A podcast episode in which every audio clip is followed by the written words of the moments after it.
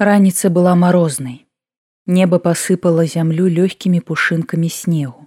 Паўтузіна ўзброеных мужчын крочылі па дарозе сярод чорных драбаў спаленых хат. Апошні з іх, высокі хлопец са шнарам на твары, вёў залейцы двух ахамутаных коней. Коні цягнулі за сабой невялікую гармату, на баках у іх былі пачэплены вялікія вайсковыя торбы з порахам і гарматнымі ядрамі. Мужчыны ішлі моўчкі, толькі час ад часу хрусцеў пад цяжкімі ботамі тонкі лёд замерзлых лужын. Атрад накіроўваўся да кляштара, адзінага цэлага будынка ў паселішчы.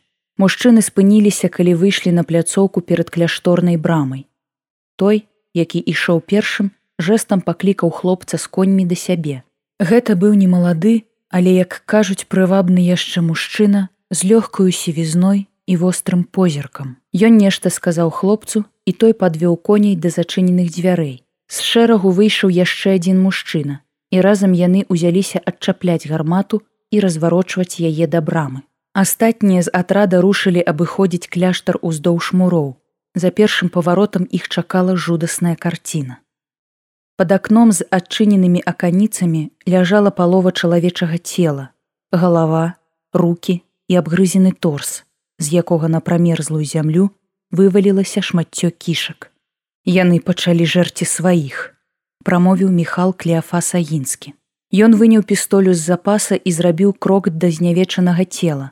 Памерлы паварушыўся, расплюшчыліся стылыя шэрыя вочы. Скручаная далонь пацягнулася да міхалавай нагі.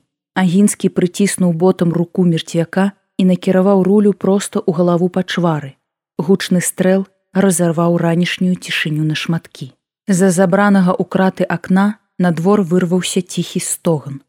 Пачвары ў кляштары заварушыліся. Мужчыны вярнуліся да брамы, дзе ўжо ўсё было падрыхтавана. Набітая гармата ў любы момант магла пальнуць і разнесці на трэскі дубовыя створкі. Атрад адышоў ад уваходу і стаў за гарматай. Пры ёй застаўся толькі хлопец з запаленай паходняй. Мужчыны павольна ўзнялі свае стрэльбы і накіравалі іх на дзверы кляштара. Усе чакалі сігналу. Перш чым даць загад, Міхал дакрануўся правой рукой да грудзей. Тут, каля сэрца ва ўнутранай кішэні ляжаў ліст да жонкі. Агінскі напісаў яго ў той дзень, калі бакас прынёс пакусанага ерамея ў замкавы дворак. Граф так і не паспеў адаслаць гэтыя старонкі ў пецярбург. Міхал узняў руку і даў адмашку. Плі.